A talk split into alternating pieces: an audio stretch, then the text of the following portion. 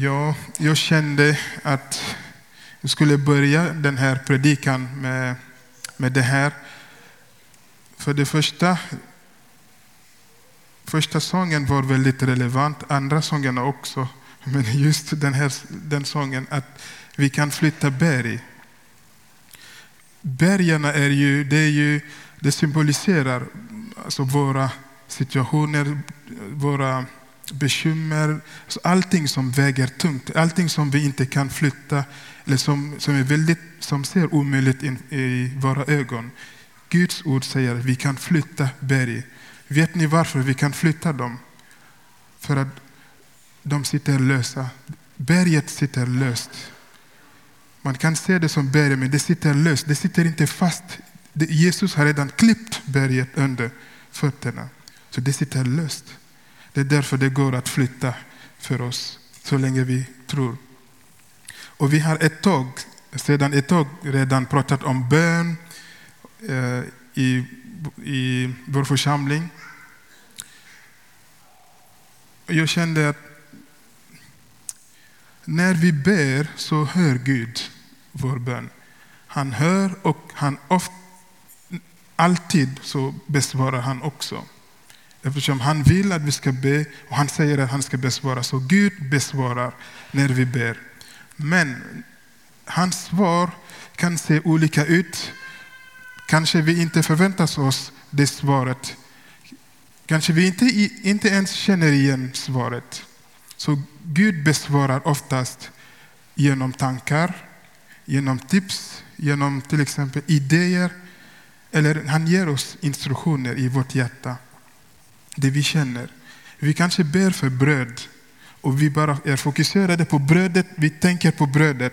Men han skickar någon, en kille som, eller en kvinna som vi inte har träffat på, på länge sedan.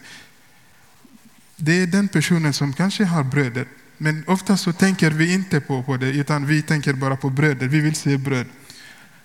Så Gud besvarar alltid när vi ber.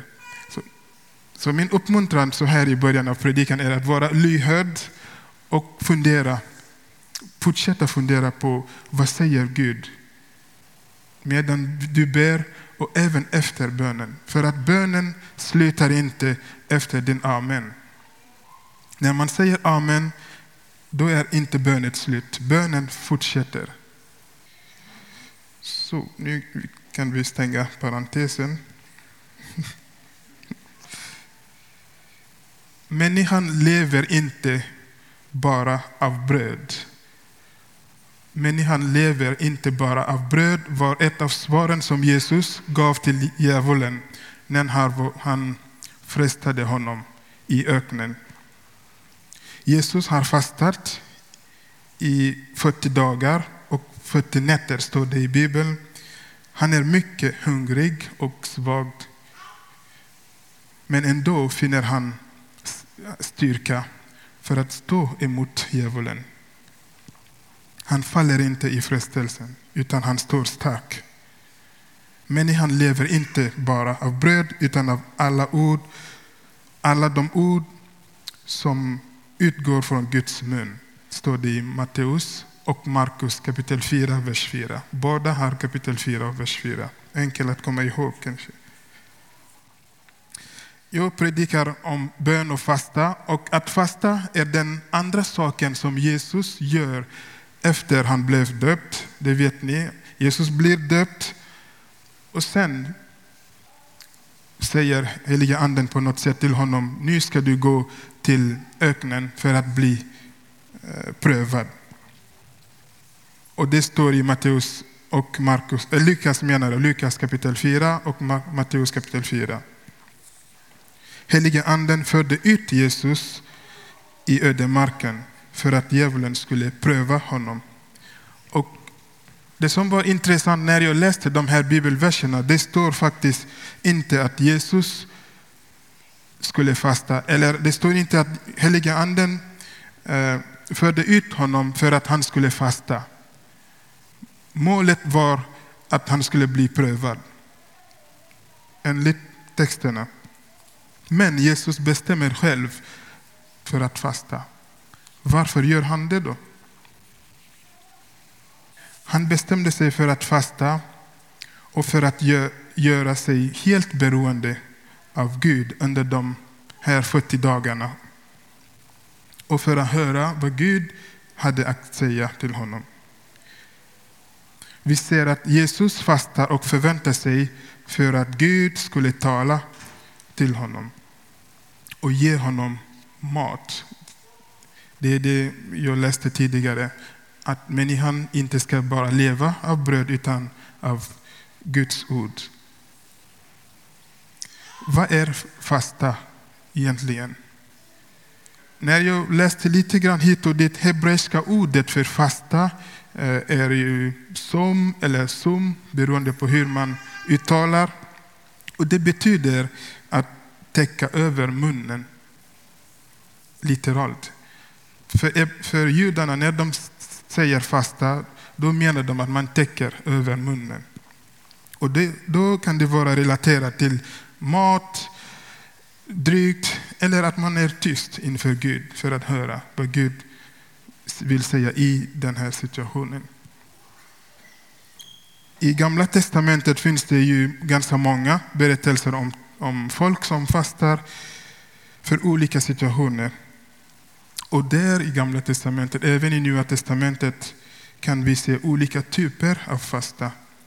Dock inte den moderna fastan. Att fasta från mobilen, eh, det är bra om man tycker att det är en fasta. Men jag vill också eh, lyfta fram vad Bibeln säger.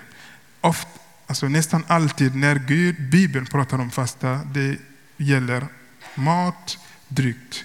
Alltså drygt och att vara tyst inför Gud. Men Gud har inte sagt heller att vi inte ska fasta mot, från mobiler och så. Så ni förstår vad jag menar. Jag vill predika vad Bibeln säger. Och i Gamla Testamentet ser man oftast så när de fastar så brukar de sätta sig eh, på säck eller klä på sig med, med, med säckar och liksom väldigt trasiga kläder och sen lägger de eh, eh, aska på huvudet eller i, i kroppen. Och så, bara för att visa att de är, de är värdelösa inför Gud. Gud. Det är bara Gud som är stor. Det är bara Gud som, som förtjänar allt. Så de visade det praktiskt så. Och man ser också i Bibeln att det finns full fasta och del, delfasta. Delvis fasta. Eh, här vill jag tydliggöra att det inte bara finns ett sätt att fasta. Det finns flera sätt att fasta. Eh, kanske någon vill äta bara eh, grönsaker. Någon annan vill kanske ja, hoppa över frukosten eller hoppa över middagen.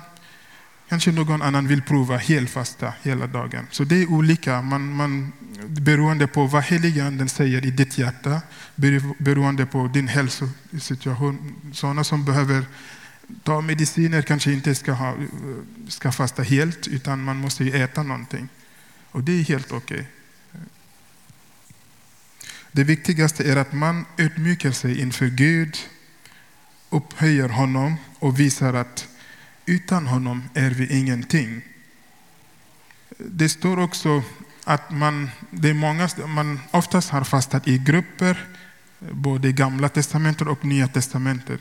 Eh, det är bra att fasta själv, eh, absolut, det gör jag också. Men det är jätteviktigt att vi som församling träffas och fastar tillsammans. Och det kan vi se i, i Nya testamentet, Apostlagärningarna kapitel 13, vers, vers 1 redan. Där församlingen i, i Antiochia, de träffas i bön och fasta. Medan de fastade och bad så talade ut helige anden. Av, avskilde mig Barnabas och Paulus för det uppdrag jag har gett dem. Så de sänder ut första missionärerna i bön och fasta. Och det är det jag hoppas att vi kommer att göra på tisdag. Mm. Första punkten, varför ska man då fasta? Jag kanske fångade in lite grann, eh, några svar. Men varför ska man fasta? Vi ser att Jesus har fastat. Daniel är ett ganska bra exempel på fasta i Gamla testamentet.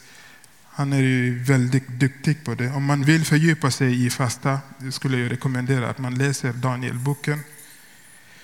Och så ser vi också att Ester fastade, Mose, David, apostlarna, alltså första kristna, de fastade ju jämt. De bad hela tiden. De, ibland kanske bad de flera, eh, vid flera tillfällen, hela nätter. Sen fastade de också. De behövde fasta på vissa tillfällen för att Gud skulle göra extra. För att kanske de var de inför vissa situationer som krävde att man skulle avskilja sig från allt annat som är dagligt för att kunna bara fokusera sig på Gud i fasta och bön. Och då såg man att de fick resultat. Varför ska vi fasta? För det första, det är att Jesus säger det. Och då har vi vår text där. Jesus säger själv att vi ska fasta. Det står så här. När ni fastar, visa då inte upp er för andra och så vidare. När ni fastar. Precis som med bönen som Lukas berättade om. När ni ber. Det är ju från samma kapitel. Och det är Matteus kapitel 6 är ganska intressant. Det är tre saker som Jesus pratar om här, som ett mönster. Det första, vers 2, finns inte här. Men när ni ger, säger han. Och sen det andra, när ni ber. Det tredje, när ni fastar. Så de här tre sakerna är ju självklara för Jesus att vi, vi som hans lärjungar skulle göra. Och det, de ligger på samma nivå. Liksom. Så fasta är inte någonting som är helt extraordinär, som är liksom väldigt för bara speciella människor, utan det är tillgängligt för alla. Och sen i Lukas kapitel 5, vers 35, får Jesus en fråga. Alltså, verserna är tidigare, där kommer fariséerna och säger, men varför fastar inte dina lärjungar? Och då säger Jesus det här. Men en dag ska han tas ifrån dem han är ju brudgummen. Och då hade de fest. Så länge brudgummen är hemma hos, hos vännerna, då är det fest, det är glädje och så. Han, han är där, så de nöjer sig av hans närvaro. Men den dagen han tas ifrån dem, och då kommer de att fasta. Han, det är ju Jesus själv alltså. Ibland känner vi att det är svårt i våra liv. Vi känner att det finns kanske inte längre vi känner att vår relation med Gud är tufft.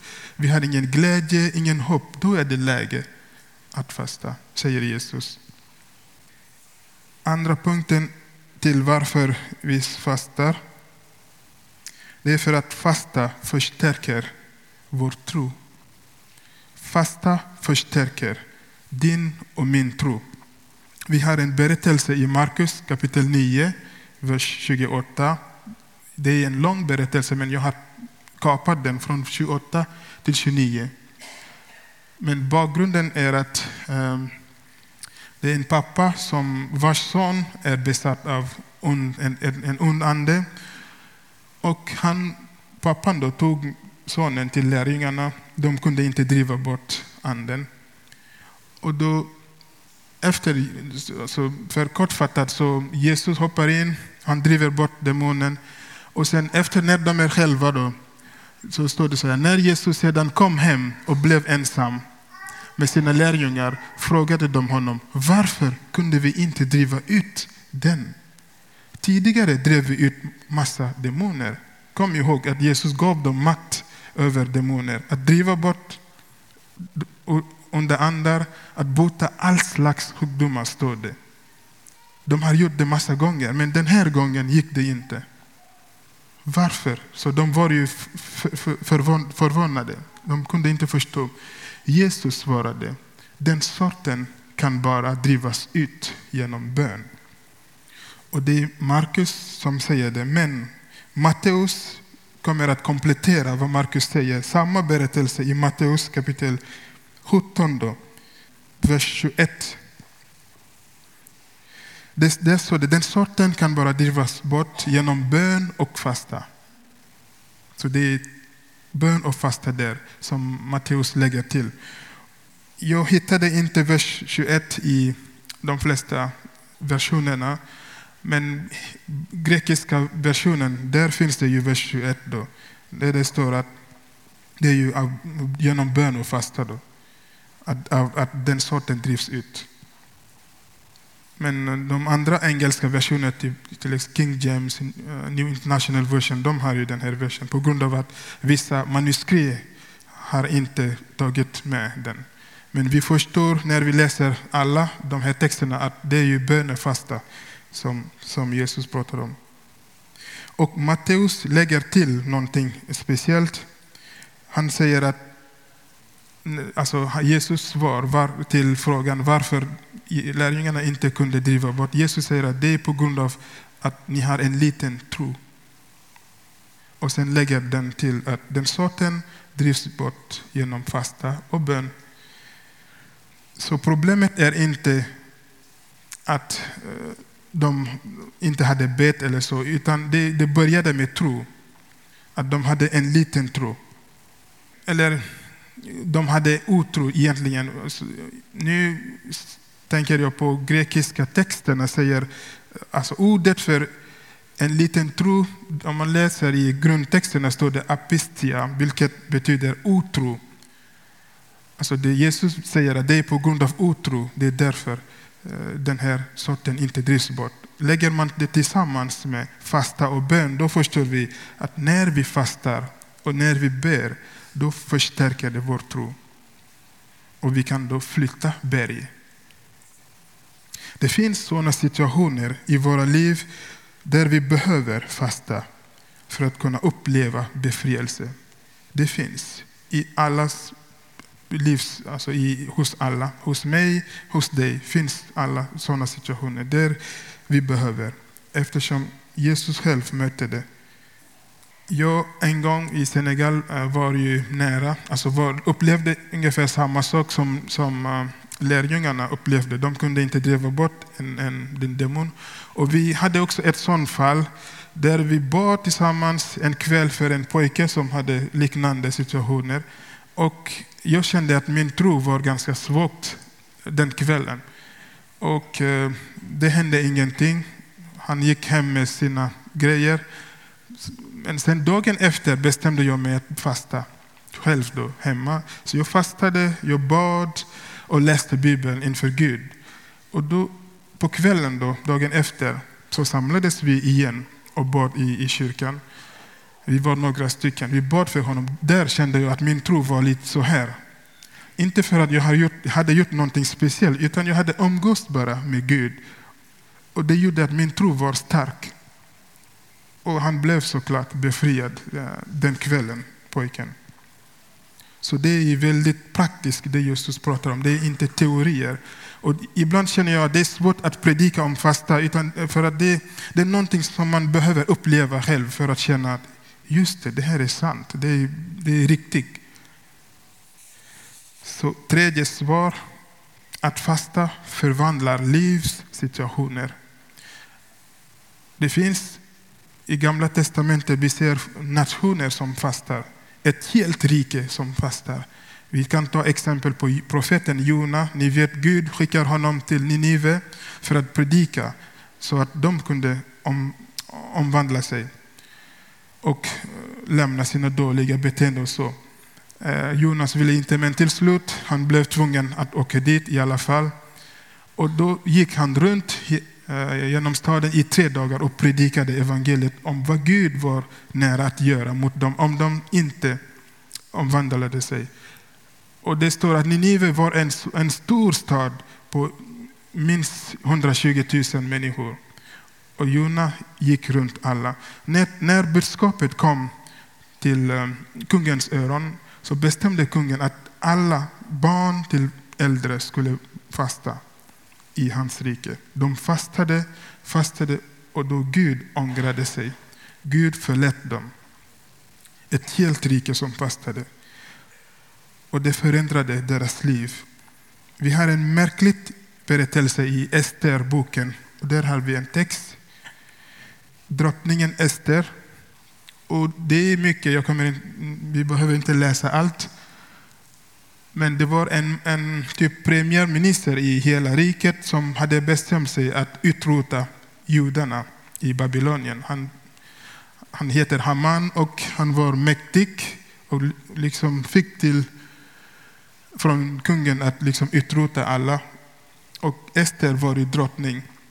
Men Mordokaj, han stod bestämt. Han liksom bad om hjälp från drottningen Ester. Och Ester var lite rädd från början. Men till slut sänder, sitt, eh, sätter, eh, sänder Ester då sitt svar till Mordecai. Gå och kalla samman alla judar i Sysa och fasta för min skull. För att hon skulle gå till kungen för att be om, om hjälp från kungen. Då, förklara att hon själv är jude. jude. Och det finns Haman som vill utrota hennes folk. Då. Då säger hon att de skulle fasta, alla. Mordokaj gick och gjorde precis som Ester hade sagt. Så tre dagar senare tog Ester på sig den kungliga skruden och gick in på palatset, inre borgen. Det är så att man, det var ju dödsstraff. Straffen, om man gick in i, i palatset, i, på gården, inre gården, utan att man blir kallad av kungen, då blir man direkt dödad. Det var ett lag. Och Ester som är drottning, även hon hade inte blivit kallad i 30 dagar av kungen. Så hon blev orolig när Mordecai sa att hon skulle gå till kungen och be om hjälp. Det är därför de fastade, för att få styrka. Hon behövde få, få bort den här oron, den, den här ångesten. Den här rädslan ville hon få bort. Och också ville hon, hon ville be om nåd från Gud och från kungen. Så efter de fastade så gick hon till, till, till kungen. Då. Och kungen, så, så fort kungen såg henne och bestämde så räckte han ut, eh, jag skrev ordet här. Ja, typ, ja, spira, ja, spira. Han räckte ut den, och då fast, eh, vilket betyder att nu är du välkommen, du kommer inte att dö. Så, på grund av fasta. Och de gick in. Eh, Det första kungen säger min drottning, vad vill du? Vad vill du, drottning Ester? Och jag kände i mitt hjärta, när vi fastar så säger Gud samma sak till oss. Vad vill du, min son? Vad vill du, min dotter? Vad önskar du? Allting är tillgängligt. Även till hälften av mitt rike kommer jag att ge dig, säger kungen. Vad vill du? Så hon fick nåd för att hon fastade. Kom ihåg att hon hade inte blivit kallad för 30 dagar. I 30 dagar, en drottning som inte har blivit kallad av kungen. Så man kan förändra livets situationer, även nationssituation med fasta. Men till slut så fick de rätt. Mordokaj, alltså Haman som ville döda folket, han blir ju hängd, upphängd och judarna får ju liv tillbaka. Det är en lång och spännande berättelse. Fasta är mäktigt. Det finns kraft i att fasta. Så varför ska vi fasta? Första är att Jesus säger det själv. Det andra är att fasta förstärker din tro. Och fasta förvandlar liv. Så min andra punkt är den äkta fastan den äkta fastan? Jo, det finns en falsk fasta och en äkta fasta. Enligt Gud själv. Och då har vi, för stöd har vi Jesaja 58 och Jesus berättar om det också i Matteus kapitel 6, vers 16. Men snabbt, Jesaja 58 är lång, så jag tog inte med den i, i powerpointen. Jag kan, jag kan läsa några verser bara. Eh, vers 2. 59, 58, vers 2. Det står så här. Varje dag söker de mig och vill få kunskap om mina vägar som om de vore ett folk som handlar rättfärdigt och inte överger sin Guds beslut. De ber mig om rättfärdiga domstol och verkar angelägna om att leva nära Gud. Varför har vi fastat när du, när du inte ser, säger folket. Varför förmjukar vi oss när du inte lägger märke till det? Och Gud säger, ni fastar under bråk och gräl. Ni slåss på ett skamligt sätt med, knut, med knutvävar, knut, knutnävar, så som ni fastar idag. Blir inte er bön hörd i höjden? Skulle det här vara en sådan fasta som jag vill ha? Så Gud vill ha fasta. En dag när man späker sig, böjer huvudet som ett strå och ligger i säck och aska. Är det vad du kallar för fasta, en dag som behagar Herren? Fasta behagar Herren. Nej, den fasta jag vill ha är att du lossar orättvisa bojor, löser okets band, befriar de förtryckta, bryter sönder alla ok, dela din mat med den hungrige. Precis som jag nämnde från början, att ge, be, fasta hänger ihop. Så Gud säger helt enkelt att du fastar, men du behöver, den äkta fastan, fasta, det är att fasta, men också tänka på din nästa. Älska din nästa och dela med dig det du har. Matteus kapitel 6 säger så här. Att vi ska, inte, vi ska inte behöva visa upp oss inför folk att vi fastar. Utan det ska vara en hemlighet mellan dig och Gud. De som visar upp så här, som vers 16 säger, att Jesus säger att de får sin lön också. Den som fastar på ett rätt sätt får sin lön. Den som fastar på ett falskt sätt får också sin lön enligt Jesus. Nej, när du fastar ska du sköta om ditt hår och tvätta dig som vanligt. Låt fastan vara en hemlighet mellan dig och din fader i himlen. Han vet allt och ska belöna dig. Väldigt starka ord. Gud vet allt om dig och han ska belöna dig. Det, det här ger mig hopp alla, alla situationer i mitt liv. Jag kan få lön när jag fastar. Gud kan belöna mig. Det är starkt. Så Jesus vill säga att fasta, jag behöver inte hänga upp och säga till alla, nej men nu jag fastar hur många dagar i veckan eller si så. Utan det är en hemlighet mellan mig och Gud. Så sammanfattningsvis, eh, tre saker igen som vi kanske kan komma ihåg. Det är mycket att komma ihåg idag, men minst tre saker kan du försöka komma ihåg. Eh, det, det är, vi är olika och vår fasta kan se olika ut. Det finns inte bara ett sätt att fasta. Det hade jag sagt tidigare. Att fasta gör att man blir mer lyhörd på Gud. Man blir fylld av hans närvaro.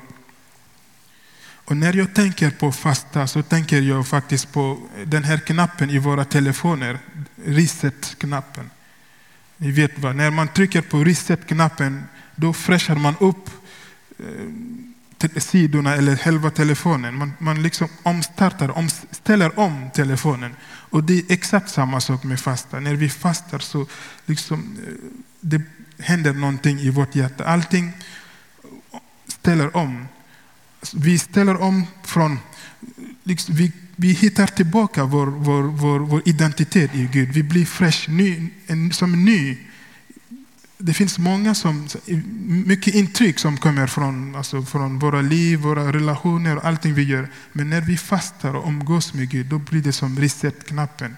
Vi kommer tillbaka till Gud och blir fyllda, fyllda av hans närvaro. Tredje, att fasta förstärker, renar vår tro och hjälper oss i prövningen. Jesus säger i samma berättelse när vi pratade om pojken Markus kapitel 9. och lärjungarna kunde inte driva bort demonerna. Jesus säger att allt är omöjligt. Han säger till pappan då. Allt, för, äh, inte omöjligt, men allt är möjligt för den som tror. Säger Jesus. Allt är möjligt för den som tror. Även om tron är liten som ett senapsfrö. Det är möjligt. Det är bara att tron ska vara rent, tron ska vara fräsch, ordentligt. Utan oro, utan rädsla. Utan det ska bara vara tro, säger Jesus. Så min fråga till dig idag är, finns det någonting i ditt liv som är omöjligt idag? Fundera lite på det. Finns det någonting, är det någonting som du upplever omöjligt idag i ditt liv? Och tänk på det här, allt är möjligt. Svara med Guds ord till denna situationen. Jesus säger att allt är möjligt i den här situationen. Så fasta, be, läs Bibeln kring den här situationen. Är det sjukdom, så läs vad Gud säger om helande. Är det ångest eller oro, läs vad Gud säger kring frid och frihet. Så när du fastar, fasta med syfte. Nu fastar jag för att jag upplever det här. Och det här berget måste flyttas bort, så jag fastar. Men läs Bibeln kring den här situationen. För att tron kan vi inte tvinga fram, det vet ni. Vi kan inte liksom bara börja tro på, på, på oss själva. Vi kan inte tvinga fram. Tron kommer från Guds ord. När vi umgås med, med Gud, vi ber, vi läser hans ord, då växer tron av sig själv. Och berget flyttas enkelt. Som jag sa från början, berget sitter löst. Det sitter inte fast. Tänk på det. sitter redan löst för att Jesus har klippt under berget. Han har klippt under berget. Det sitter löst. Tala bara till ditt berg. Tänk att Jesus har gjort det möjligt för dig och mig att leva i frid, full av hans närvaro, så att vi kan vara ljus i mörkret. Vi går mot mörka tider ute, men det finns frihet, det finns ljus i Guds närvaro. Det är genom dig och mig som Gud vill förvandla liv runt omkring oss. Vi måste då vara helt beroende av honom. Vi behöver vara helt beroende av honom. Då kommer ljuset att stråla fram.